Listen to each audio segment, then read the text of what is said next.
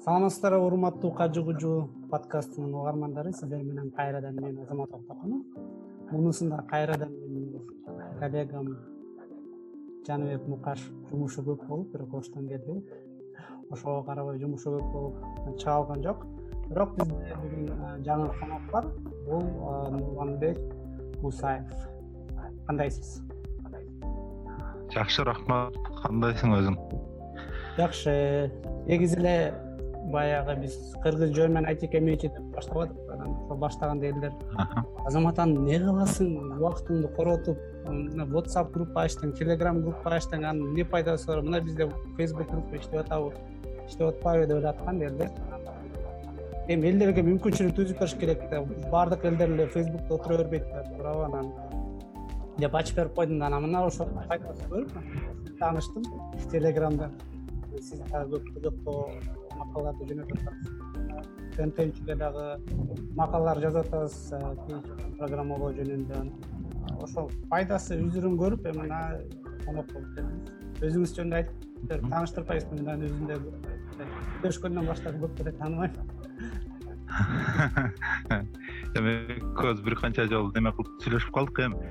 Негизи жанагы өзүмдөн баштайын э анда мен э, негизи силер азыр сыртта жүрөсүңөр да. Э, сыртта жүрүп жакында кеттиң мисалы үч жыл болуптур да. А мен сырттан келгениме э, эки миң он алтыда келсем төрт төрт жарым жыл болду да төрт жарым жылга жакындап калды. Ага чейин жыйырма төрт жыл сыртта жүрдүм менчи анан сен мындай кайгыларыңды мындай ой пикирлерди баягы азыр жаштар көтөрүп чыгып аткан демилгелерди аябай жакшы мындай түшүнүп атам да негизичи анан баягы германиядагы айтишниктерди бир арага чогултуп анан бир платформа сыяктуу бир эме түзүп бири бириңер менен алышканыңар бул негизи аябай жакшы нерсе. Бул биздин студент убактыда убакытта да бар болчу ушундай эмелерчи. Мисалы улан мелисбек деген э, бир сайт ачып ошол жакта бир сыртта жүргөндөрдү чогултуп ар кандай анда ал мезгилде форумдар эме болчу. Мындай популярный болчу да. Форумга жазып пикир калтырып эми youtube анча өнүкө болчу. Э, бирок э, форумда аябай мындай эме тартышмалар кызуу жүрчү да. Ар кандай темада мисалы өзгөчө кыргыз тил эмесинде ошол эмеге туш келип калдым мен дагы. Негизи токсон экинчи жылы кеткенбиз. Э, түркияга окуганы. Ошол мезгилде бир эле биринчи анан акыркы жолу программа бар болчу. Э, сегизинчи тогузунчу класстан баштап бул жакта сегизинчи классты бүтүргөндөрдү тиякта тогузунчу класстан баштап тогуз он он бирди окутуп анан университетке тапшырмай ошондой лицейге бир программа бар болчу да. Андан кийин ал программаны ошол жылдан кийин алып салышты. Э, жүз элүү баладай кеткенбиз. Ошонун ошо үчтө бири бүттү окшойт. Жарымы бүттү көпчүлүгү кайра келе берген. Анткени эми өзүң деле ойлойсуң мисалы сегизинчи класста аттын эңсени э, башка шаарга эмес башка өлкөгө жөнөтүп атат да. Анан союз жаңы таркаган мезгили түркия дегенди көпчүлүк ата эне жаңы уккан мындай кызыктай бир абал болчу да. Анан ошондо биз азыр деле ойлонуп карайбыз эми ата энебиз бизди кантип жөнөттү депчи? Сегизинчи класс азыр мен сегизинчи класста өзүмдүн баламды жөнөткүм келбейт андай жака. Корком да мындай мындай ойлоносуң да кандай болот тиги бул депчи азыр университетке жөнөткөндө кээ бир ата энелер ойлонуп калат а биздин мезгилде ошондой ата энелердин баардыгы мындай каалоосу менен аябай мындай мотивация болуп жөнөтүшкөн да баарыбызды чогултушуп минобразованиеге ошондо чынара чолпон жакупова эле чынара жакупова эле. Эже бар болчу ошол өзү топтоп акыл насаатын айтып ошентип түркияга жиберген аяктан үч жыл Э, лицейде окудук. Э, андан кийин университетке тапшырдык экзаменге кирип эки миңинчи жылы мен университетти бүтүрдүм да. Студент кезибизде э, ошо үчүнчү үчүнчү курстан баштап интернет жаңы таркай баштады.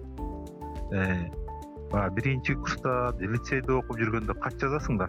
Үйгө ооба ол мененчи жанагыдай конвертке салып кат жазасың ал катың эки үч айда келет да үйгөчү анан кийин андан кийин эле интернет ачылып кетти.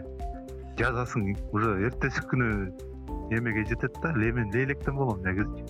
Анан лейлекте исфанада азыр маркум кайтыш болуп кетти бир дос балалар болчу ошонун почтасына түшөт эле. Ал нподо иштейт эле да. Ошол лейлекте бир гана жерде интернет бар. Ошол нподочу анан ошол окуп анан атама чалып айтып койчу бүгүн балаңыздан кат келди анан момундай момундай экен жакшы экен деп. Аябай сүйүнүшөт эле да. Ооба технологиянын эмеси да.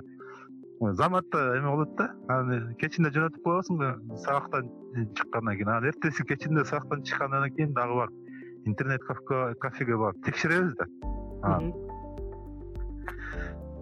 ошондой мезгилдер болду. Анан үчүнчү курстан мен үйлөнүп э, айта берейинби катары ооба ооба айта бериңиз. Эме баягы суроолор болсо да. биринчи кеткен кишилерден болгон турбайсыз совет союзу кулаган биринчи биринчи алгачкы неме сыртка чыккан эме окуучулардан болдук да. Болгондо университетке эмес лицейге чыгып кеттик да. Ошол жагы бир аз кызык калдым да.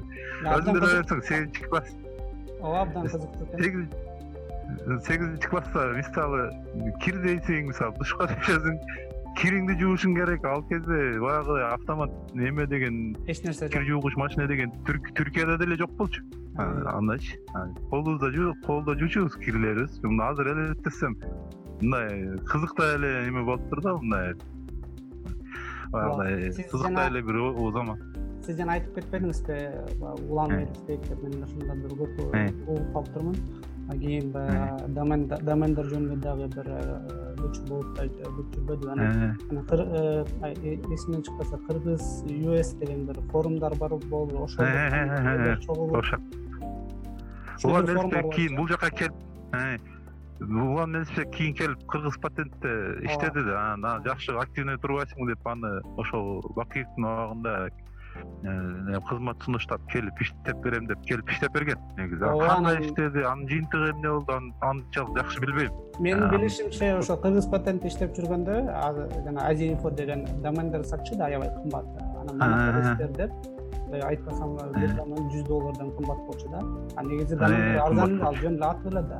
Анан ал ошо эме чыккан эмнеге мынча кымбат деп анан алар менен соттошуп отуруп анан жана революция болуп анан аягында кайра кетти окшойт америкада кетти мен мен да болгом эми калифорнияда деп барып келгендер бир балдар барып үйүнө барып конок болуп келдик ушул жакта иштеп атыптыр э, калифорнияда бир айти компанияда деп ошентип айтышат эми. Мен деле мындай кабарым жок. Э, негизи ошол баягы биринчи жаш муундар чыгып бийликке келип өзгөртүп аракет кылып аткан кезинде алып барга тийиштүү болуп окшойт ошондой болуп калды кичине. Балким э, неме ошол замандын талабы балким ошондой же биздеги саясаттын адаты ошондой болуп калды. Негизи биз аят окумаганбыз ошо умам менспек келип иштеп анан кызмат сунушташып эме болгондо а жакшына бирдекелер өзгөрүп турбайбы депчи. Балким эми ошондой болду да эми маңдайга жазгарын деп коет го. Ошондой сыяктуу болуп калды. Да элдер унакка жакшы өзгөрүү болот деп атты эле өзгөрүүлөр деле э, э. өзгөрүүлөр ал э, эми мындай экен да муун алмашып бир түшүнүк алмашмайынча эме өзгөрүү болуп өтө кыйын мен мисалы мына алып элестетсең азыр жаштардын сүйлөгөн тили менен экөө тең кыргызча эле сүйлөп атса дагы мындай эме түшүнүк башкача да. Башка терминдерди колдонушат башка эме түшүнбөй каласың да эмеде эме болупчу мындай эми ошондой бул деген э, жаштар деген э, бизде бизде эмес бүт эле жерде ушундай да жаштардын тили башкача. Кечээ бир ютубтан бир эме угуп калдым эртең менен жолдо кетип атып коюп. Анан бир э, бир грузин армян киши бар экен. Калифорнияда айти компанияны эме негиздеп ошол жакта аябай эме болуп кетиптир бир приложениянын атын унутуп калдым именно эме тинейджерлер үчүн приложение жасаптыр да. Анан өзү ал киши где то элүүдөн өтүп калган да. Анан тиги журналист сурап атат да сиз элүүдөн өтүп калдыңыз го тинейджерлерди кантип түшүндүңүз депчи? Анан тиги киши айтып атат мен дейт э, кызымдан келди дейт идеячы. Анан бир ошол жерде окуяны айтып берип атат ошо кызым мага жанагы илхамды берди дейт да. Ошо кызымдын эмеси э, баягы бир талап болуп калды дейт да. Значит ушундай нерсе керек экен жаштарга деп. Анан ошону э, приложенияны түздүм депчи өзү армиянын киши экен анан ошол жакта орусча интервью берип атат да. Сонун мындай немелерди айтты. Мына жаштар жөнүндөчү жаш муун жөнүндө келечек жөнүндөгү жакшы нерселерди айтты. Негизи сиз деген анда шилтемени анан мага берип койсоңуз биз өзбекче кайчасы кылабыз анан. Макул макул. Макул. Анан кызыктуу экен сиз ушунча көп э, тыш жакта жашап келип азыр болсо элдин баары кыргызстандан качып атса сиз кыргызстанга кайра келиптирсиз эмне болуп келип калдыңыз мындай ошол эмне ал да кызык тема балким ар кимдин башына келе турган башынан өтө турган нерсе да булчу мен түркияда жашадым чоң кызым түркияда төрөлдү анан орусияга орусияга беко компаниясына ошол жумушка чакырып басты жаңы проект болуп. А мен айтиде болчумун анан айти департаментке келди. Анан ошол жака иштеп калдым россияда. Анан кичине балам менен кызым да ошол жакта төрөдү россиядачы. Анан кызым ошондо бир жарым жашар болчу. Россияда беш алты жыл жашап калдык балдарыбыз бүт орусча садиктерге барат анан орус мектепке барып атат карасаң мындай кыргызча деле сүйлөбөйт үйдө биз аракет кылабыз бирок баары бир деле мындай тили буралып неме болуп кыскасы тууган уруктан узактасың балдарың туугандарыңды тааныбайт мындай бир кызыктай эле неме болуп жүрдүм да анан ойлоп калдым бир күн ушу балдарды кыргызча сүйлөтүш үчүн туугандарды тааныш үчүн кайра келиш керек экен анан деген балдар деген өзүнүн бир үйү болуп бул менин үйүм. Бүт эле арендада жашап жүрөсүң да снимать этипчи ооба бул менин үйүм бул менин мекеним деген түшүнүк орноштуруш керек экен деп ойлоп калдым да балагачы ал чөйрөсүнө туугандарды көрүп ошентип өсүш керек экен деп ойлоп калдым.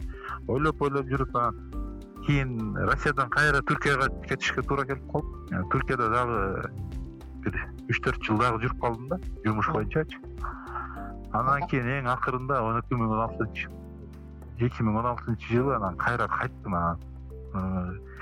Кой үйгө эле баралычы айтпасам тиги жанаг түркияда түркияда төңкөрүштөрдө бир немелүү болду болуш керек э? Жок ал мага көп төңкөрүш эмес мага кыргызстанга кайтуума негизи пландарым бар болчу бирок эң чоң себеп жанагы түрктөр орустардын самолетун уруп түшүрүп салып атпайбы ооба. А мен ал кезде уже үч төрт жылдан бери туризм тармагына кирип кеткем да өзүнчө турфирма ачып э, айтиден узакташып кеттим. Турфирма ачтым дагы анан э, прибалтикадан кыргызстандан эми көбүнчө прибалтика өлкөлөрүнөн латвия литва эстония финляндия швециядан эме группаларды э, эме кылчу принимающий сторона болуп иштечүбүз да тиякта агентстволор менен договор түзүпчү жылына бир эки жолу барып кыдырып келем анан тигилер мага эми туристтерди жиберет. Жакшы эле иштедик мындай көп деле неме болгон. Анан ошондой иштеп атып тиги түрктөр орустардын самолетун түшүрүп коет. Анан туризм тармак деген бул сектор мындай экен да эң назик сектор экен да. Ооба. Биринчи эле баягы соккуну жей турган эме мындай кризис учурунда туризм болот экен да туристтер резко эме эмелер башталды. Броньдор отмена боло баштады а европанын агентстволору бизге жарым жыл мурда бронь жиберет да могуну менин группам келатат деп. Сентябрда келе турган болсо тиги майда жибере беришет же апрелде жиберет. Алар алты ай мурдага пландашат да. Негизи аябай ыңгайлуу болчу да иштегенге. Анан акчасы деле жакшы болчу. Анан жанагы ноябрдын акырында ошентип урушуп атып дагы анан менин аябай бир жуманын ичинде бүт брондорум бир алты жети бронум групповой брондор отмена болду да. Анан алдымды көрө албай калдым караңгы болуп калдычы баягы түрктөр менен орустардын кризисинен айнын анан айттым кой анда очередь бар болчу анан алар топтоп эки дагы достор бар болчу алар топтоп айттым. Ушундай мен эми кыргызстанга жөнөйүн деп атам. Эми силер өзүңөр өткөрүп берейин силерге фирманы деп өткөрүп бердим анан фирма иштеп атат дагы эле ошол фирма ту фирма. Мен учредительдиктен былтыр чыгып кеттим. Ошондон баштап ой үйгө кайталы деген турбайсызбы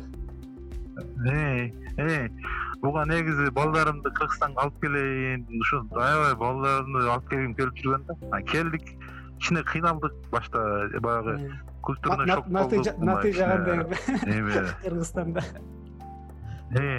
натыйжа э, балдарым кыргызча сүйлөдү кичинекей кызым такыр кыргызча сүйлөп чыкты. Э, балдар кыргызча үйрөндү кошуналарды тааныды э, неме туугандарды тааныды мисалычы. Алар менен чогуу ойной баштады. Мына негизи натыйжа сонун эле. Эмечи анан дагы биз постоянно көчүп жүрдүк да. Балдарым кээде соккот эми каяка көчөбүз депчи? Ошондой жагы дагы бар бул эмечи эми көчпөйбүз. Буюрса көчпөгөнгө аракет кылабыз деп го анан билбейм. Балдар неме маңдайга жазган да кандай. Ооба неме балдар э, келинчек неметкен жокпу эмне келди экен кыргызстанга жүдөп какканбыз жакта эле жашоо жакшы келет аялдар менен көп ошо он алтынчы жылы төңкөрүштүн айынан кыргыз балдар көп келди да. Э, мен эртерээк келдим алар ошол жылдын этегинде ортосунда аябай көп келишти. Анан бул жакта да өзүнчө мындай эме коммунити болуп калды да. Бывший стамбульскийлер болуп ошол жактан байкап караганда бүт эркектер тез эле көнүп кетет экен. Баягы иш миш андай эме болупчу аялдардын көнүшү аябай эме экен да балдар деле көнүп кетет. Эгер чоңураак бала болсо жанагы сегиз ал кичине кыйналат экен.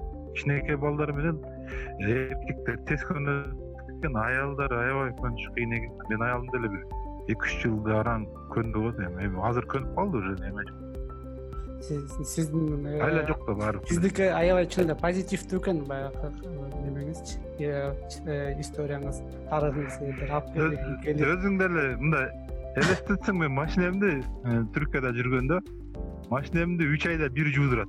Же алты айда бир жуудурам да сыртын эле жуудуруп койгон ичи деле чаңдабайт а бул жерде блин эки күн сайын жуудурсаң деле жанагы эле чаңдап кирет да шаардын ортосу деле чаң чекеси деле чаң. Кышын болсо ылгай ушундай менин бир классташым дагы ушул стамбулда жашап жүрүштү. Бир үч жылдай жашады окшойт анан кайра жумуштан менен кайра артка кайтмай болуп ушул бишкекте жашап атышат анан угуп калганымда кайра эле кетсекпи деген ойдо да жумушу деле жакшы үйү деле бар бирок баягы невыносимо болуп кетти. Биякта аябай эле коррупция иштетишпейт иштесең акча сурашат анан тиги бул анан чаң чуң анан балдар эч жака чыкпайт. Ошо кыргызстанда жүрсөм эле баарлар бияк болбой калды деген эле неме да настроение да а сиздики жакшы экен кыргызстанга келип жок көтөрөбүз. Деген оюңуз жакшы экен жок мен аябай эле мен азыр ошондо мен эми баягы производстводо иштеп жүрдүм да жанагы эмедечи заводдордо бүт эле азыр карасам бүт эле заводдордо жүрүп турмун да. Анан ошондо келгенде мага биякта сунуш болуп калды. Бишкекте ленин заводун кайрадан иштетели деп атабыз келип иштеп бербейсиңби деп. Анан макул деп иштеп ошол жака жумушка кирип айлыкка эле иштеп жүрдүм. Уже төрт жылдан бери иштеп жүрөм ошол жакта элечи а тиги сиз э, курстарды анан программалоо деген бул анда э, основной кесип эмес мындай кошумча го э же? Жок. Хобби кошумча. Кошумча хобби болуп калды бирок эме мурда өзүмдүн кесибим болчу бирок э, акыркы сегиз жылдан бери мен код дагы жазбайм эчтеке айти менен көп байланышым үзүлүп калды да. Анан билесиң да айтиде кичине эле бир эле жыл карабай койсоң уже көп нерсе эскирген болот. Анан бияка келип көчөдө жүрүп же жумушта көрөсүң жаштар жүрөт да жөн элечи. Анан же болбосо мындай мектеп окуучуларын бүтүрүп атканда деле сурасаң кандай пландарың бар? десең мындай барып эле баягы немеге так кылат да мигрант болуп россияга кеткиси келет да. Ошол жакта иштейт экен иштейм анан акчага такалат да баягы иштешим керек депчи. Анан кайгырып коем да ушул балдар бирдемке үйрөнүп алса бир программаны үйрөнүп алса жок дегендечи мисалычы барып москванын көчөнү көчөсүн шыпырбайт эле да москвага барсын макул бирок жакшынакай бир жерде көбүрөөк айлык менен жакшынакай шартта иштейт эле да яндексте ошону көп ойлоп жүрдүм да. Яндекс болбосо деле стартапка кирсин мисалычы кичинекей фирмаларга кирсин мисалы. Же болбосо азыр айтишник болгондон айтишник болуп бир программаны жакшы бир программист болсо анан кичинекей кичине англисчеси болсо э, эме возможностьтор көп да айтмакчы э, туризм жакта иштеп турса кыргызстанга туризм жөнүндө ойлонгон жоксузбу э, түрк тааныштарды алып келип кыргыз жерин көрсөтөйүн деп жайлоолордо түркияда жүргөндө группаларды жиберчүмүн биякта көп көпчүлүгүн тааныйм да негизичи анткени иштеп жүрдүм да чогуу.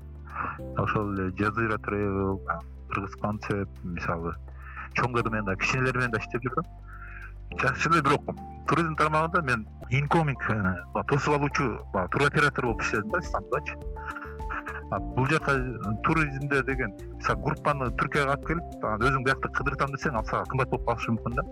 Сен эң жакшысы түркиядан группа таптыңбы бул жактан бир фирма таба аласың встречающий фирма. Алар сенин группаңды тосуп алып тейлеп кайра салып берет да мындай эме бүт эле туризм негизи ошентип иштейт бир жака кыргызстандан бирөөнү чогултуп бир жака бара турган болсоң ошол жактан встречающий фирманы таап алганың сага мындай э, эме жагынан э, баягы акча жагынан э, каражат жагынан көп эле ыңгайлуу болуп калат да мындай эсептеп келгендечи анткени сен бара турган жерди билбейсиң да. А мен кыргызстан кыргыз болгонум биякта туулуп өскөнүмдөн мен бул жерде туризм тармагын билбейм да. Мындай анан башынан кайрадан куруп чыгыш керек да мисалы көлдө кандай тур кандай тур пакеттери бар кандай продукциялар бар аны биякта көп эметеген жокмун башта бир эки биякта айтышты агентстволор давайте чогуу иштейли деп кичине мындай көңүлдөнүп да жүрдүм кийин анан э, эме көп ага өзүңдү беришиң керек да жумуштан чыгышың керек. Бирок бизде потенциал аябай чоң э ушу туризмде. Аябай кооз жерлер бар э. өтө кооз жерлерибиз бар өтө мындай эме оксижен деп коет го кислород?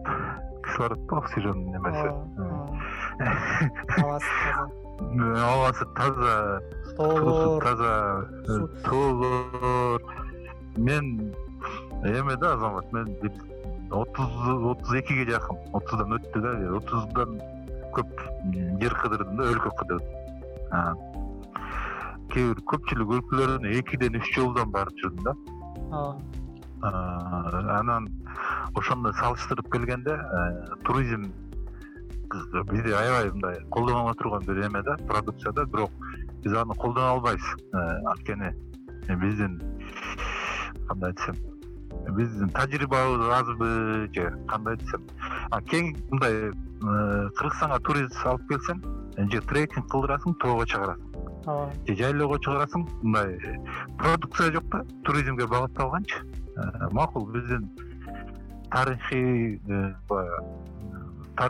мындай тарыхый жерлерибиз жок тарыхый имараттарыбыз жок балкимчи бирок э, ошол эле трекингди же болбосо ошол эле немени баягы жайлоо туризмини баягы кымыз туризмини өнүктүрө алган жокпуз да ошону бир жолу албайбыз бизде негизичи менин ойлошумча бизде аң сезим жете элек да. Биз өз э, биз элдерди аң сезим жете элек турист болуп алып келиш үчүн биз өзүбүз турист болушубуз керек да. Мен кыргызстанда э. ушунча жыл жашап эч качан кыргызстандын ичинде туризм катары бир жака бара мисалы мен ошко барган эмесмин жалал абадка барган эмесмин баткенге барган эмесмин. Барган жерим талас ысык көл потому жанымда эгер биз э, көбүнчө баягы коомдук э, баягы неме деп коет? Коомдук көрүүлүкпү деп коебуз аны. Кандай десем ал терминологиянычы коом баягы ичиде жашап жүрүп эмени байкабайт да. Э, кайсы жерде кемчиликтер бар экенине мындай көп эме байкай албайт. Мындай көбүнчөсү бир орусиянын мисалы тарыхына карасак э, орус достоевский мисалы чехов да толстой ошол элечи. Баары э, өмүрүндө бир жолу сыртка чыгып бир беш алты жыл э, жашап келиптир да. Мисалы толстой немис англис итальянча французча суудай сүйлөгөн киши экен да. Өтө мындай ошондой көз карашта болгон. Анткени ошол жактарда барып жашап келиптир толстой.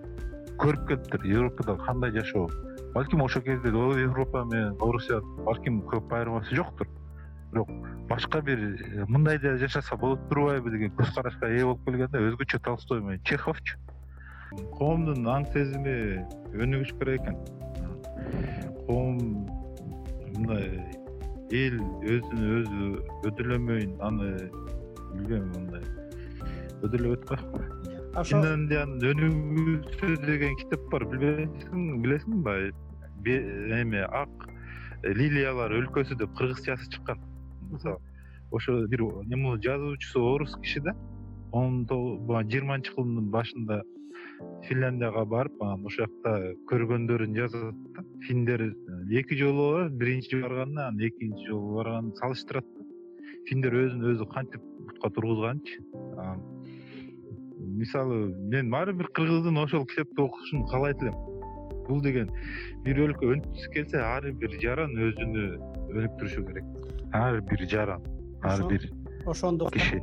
Ошондой ошол месседжди элге э, таратыш керек да мисалы мен да өзүм түшүнүп атам мен өзүмдүн каталарымдычы анан мен ошол каталарды көрүп айтат маалымат жетпей атат кыргыз тилинде. Мен көбүнчө орусча сүйлөйм же немисче сүйлөйм англисче сүйлөйм. Анда эмесе мына алыс жакта жашасам дагы кыргызча сүйлөп баштайынчы. Кыргызча маалымат жетпей атат десе мына кыргызча маалымат берейинчи сиздерге айти жөнүндө жетпей атат десе берейин сурасаңар берейин өзүмдүн аракетим жумшап атат ошол эле убакта мисалы сиз мисалы кыргыз тилинде курстарды ачып ачып атасыз. Кыргыз тилинде php жөнүндө маалыматтар жазып атасыз. Бул абдан сонун нерсе да сиз мисалы жок мен жумушум э, бар деп деле койсоңуз болмок. Жок ошо аракетти кылып жазып атасыз. Анан китептер жөнүндө көп айтып атасыз керек. Ошол мисалы эме челленджди сизге дагы берейин сиз өзүңүз э, ушул жылы э, окуу сөзсүз түрдө окула турчу беш китепти жазып бериңиз. Калачы кайсыл жака чыгарасыз? Макул макул. Жазып туугандар китеп оку китеп окусаңар силер ошол баягы жетишпей аткан аң сезимге жетишпей аң сезим аң сезим эле деп атабыз мына ошо аң сезимге жетишпей аткан нерсени окуп аң сезимди көтөрүп эки жагын карап токтоп э, фейсбукка жазып отура бербей мисалы элди же ютубтан десең ютуб. Э, элди элди деп өнүктүрөм дебей кантча өзүңдү өнүктүрчү өзүңдүн мээңди өнүктүр тегерек жетиңди э. анан башталат да. Интеллектиңди көтөр деп жакшы болот макул мен жазып берейин. Негизи жана сен айткандай ишим бар десем оңой эле шылтоо негизичи бирок чындыгында ишим бар да мен аябай мындай эртең менен үйдөн жетиде чыгып кетем анан кечинде жетиде келем да. Кечинде келгенде сараң болуп каласың да уже чарчапчы. Өткөндө эки жума мурда айзада э, ошо германиядан мага бирдеме суранган аке ошону жазып бересиңерби депчи курстар жөнүндө маалымат. Мисалы ошону эки үч жума болуп атат мен жаза албай атам да маалымат жоголтуп коюп анан баягы бир арага топтой албай атам да ойлорумду убакыт керек экен да. Анан үстүгө курс мурс ачканга туура келип калып азыр эки жумадан бери ошонун артынан чуркап калдым да. Негизи кыргызча маалымат дегенде жакшы нерсени косуп кеттиң э, азыр бүгүн болуп атат болуш керек баягы реклама кылып атышпады беле эмеден? Чикагодо айтишниктер э, семинар өткөрүп атыптыр тиги депчи. Э, форум жасап атат депчи. Анан ошол жакта да мурдагы форумдун видеосуну мындай бир отрывок көрүп калдым да чекесин элечи анан англисче айтып атышат да балдарчы баары эле кыргызча отурат экен. Эми кыргыздар баарыбыз отурган жерде кыргызча эле сүйлөсөңөр ошол. Өтө пайдалуу болот деп ойлойм да жок бул кичине башкача контекст болуп атпайбы мен дагы кээде таң калып калам да алар көп көп иштерди кылып атышат анан иштердин көбүнчөсү англис тилинде депчи. Бирок биз контекстте эмеспиз. Мен мисалы америкага бара электим да балким ошол ошонун ичинде алардын өзүнүн бир чоң э, максаты бар. Алар балким башка инвесторлорду эле башка кишилерди чакырып атышат да. Мен негизи немем деле жок. Жок кыргыз кыргызчаны кыргызча сүйлө деген оюм жок да эч качанчы элдер кайсы тилде сүйлөсө жок менде главное жок менде деле андай азамат менде деле андай ой жок. Кыргыз болгондон кийин кыргыз тилинде сүйлөгүлө э, баягы кыргызчылыкка э, чаптаганга аракет кылбай элемин да просто мындай нерсе да. Алар деген кыргызстанга эгер ошол э, форумдун максаты кыргызстанга жардам берүү кыргызстандын айтиси өнүктүрүү болсочу булар эми баардыгына эч ким айтпай эле да бирден китеп которуп бергиле депчи. Sql жөнүндө же болбосо жанагы python жөнүндө java жөнүндө китеп которгула деп эч ким аларга тапшырма бербей эле да. Бирок ар ким өзүнүн билгенинечи мисалы аяқта бир кыз бар экен айдана беле айдана деген бир кыз бар. Азаттыкка макала жазып атпайбы ал ал дагы буюрса келет жок ошол сурап көрөйүн айдананы эмне үчүн эмне үчүн америкадагы так неме туугандарыбыз жаман кеңештешет деп жок ал туура эле сүйлөбөсүн ал эч ким эчтеке эле просто айдынанын кылганы мисалы. Баягы өткөндө биг дата жөнүндө макаласын окудум да эмечи э, кайсы кыргыз биг дата жөнүндө макала жазат десем. Биг дата менен иштеген толтура кыргыз бар. Могу эле эки жүз бала болсо керек бирок кимиси чыгып кыргызча ошону айтты да. Мисалы бул кичинекей бир макала бирок өтө чоң мындай эме нерсе да мындай өтө чоң мындай жаңылык да. Билген эле нерсесини мисалы билген эле кайсыны билесиң переменныйнычы өзгөрмө деп которуп алдык ошо а а барабар бир б барабар эки деген нерсени билесиң да мисалы программада. Ошону кыргызча айтып сен да мисалычы мисалы эки бир бир бет которуп бер мисалы бир эмеден мисалы өзүң билген тилдин бир бет которуп берсең аны канча киши окуйт ошо баягы эмесин ойготот да. Ошон билгениңди эле кыргызча калемге алып макул туура эмес жаз ката жаз точкасын койбой өтүрүн аттап кет. Жок ошон үчүн бирок жазып берсең өтө сонун болмок да. Ошон үчүнчү биз айтып берсе.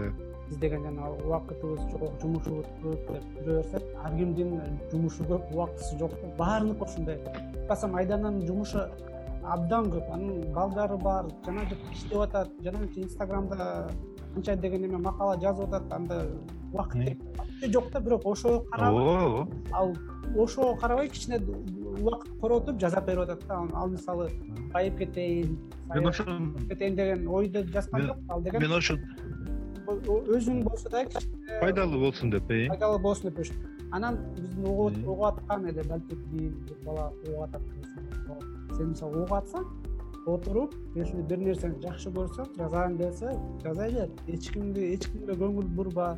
Бирөө эмне деп айтат деп ойлобо отуруп жасаган нерсеңди жасап чыгарып кой ошол мүмкүнчүлүктү колдонуп чыгарсаң анын артынан дагы мүмкүнчүлүк келет аны колдонсоң дагы ошентип отуруп отуруп жашооң өзгөрөт.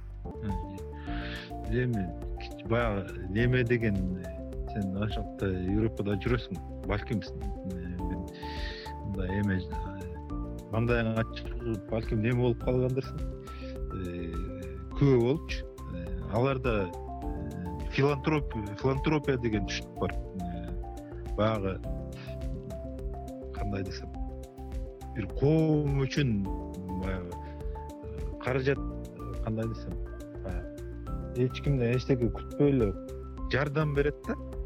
Мисалы ар бир американец э, эми канчалык туура бул статистика ар бир американец э, жылдык кирешесинин он эки процентини э, баягы пожертвование кылат экен да неме эме деп коет кыргызчасы багыштайт экен да немегечи мындай же университетке багыштайт же болбосо э, церковька багыштайт эме кылыпчы? Мындай. Анан неме дагы айти тармагында өзгөчө опен source деген неме бар? Түшүнүк бар билесиң да ооба. Опен sourceто эмне айтишник өзүнүн убактын каржап коротуп ошол жака э, бекер иштеп берет да. Баягы бир нерсени өнүктүрүүгө бекер мисалыга php бир опен source да. Phpнин өнүктүрүүчүлөр аны бекер иштеп берген кишилер да. phpнин эмесине сайтына кирсең өзү жазып турат кимдер жардам берди. Эме болсо келип жардам бергиле ошол эле википедия мисалычы опен source да алуучулардын бекер иштеген кишилердин ушул өнүгүп кетсин интеллектуалный пайдасы болсун коомго деген кайсы элге кайсы эме улутка деп эле жөн адамзатка пайдасы болсун деп эле кылып атпайбы.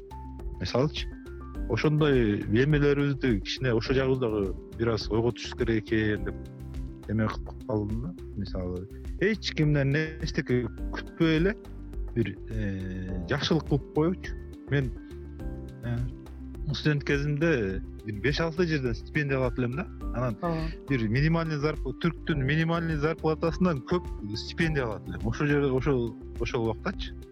Анткени мен эч эле тааныбаган эле бир текстильный фирмада угасың э, жылда сентябрь айында биз эмеге чыгат э, стипендияларга эме кылыпчы. Э, документтерди тапшырып бир элүү жерге тапшырсаң ошонун бешөөүнөн чыгат да. Мисалычы эме ошол премьер министерский ошол мэрияныкы болуп калышы мүмкүн. Же болбосо какой то бир фонд. Сени эч качан көргөн эмес ата энеңди тааныбайт.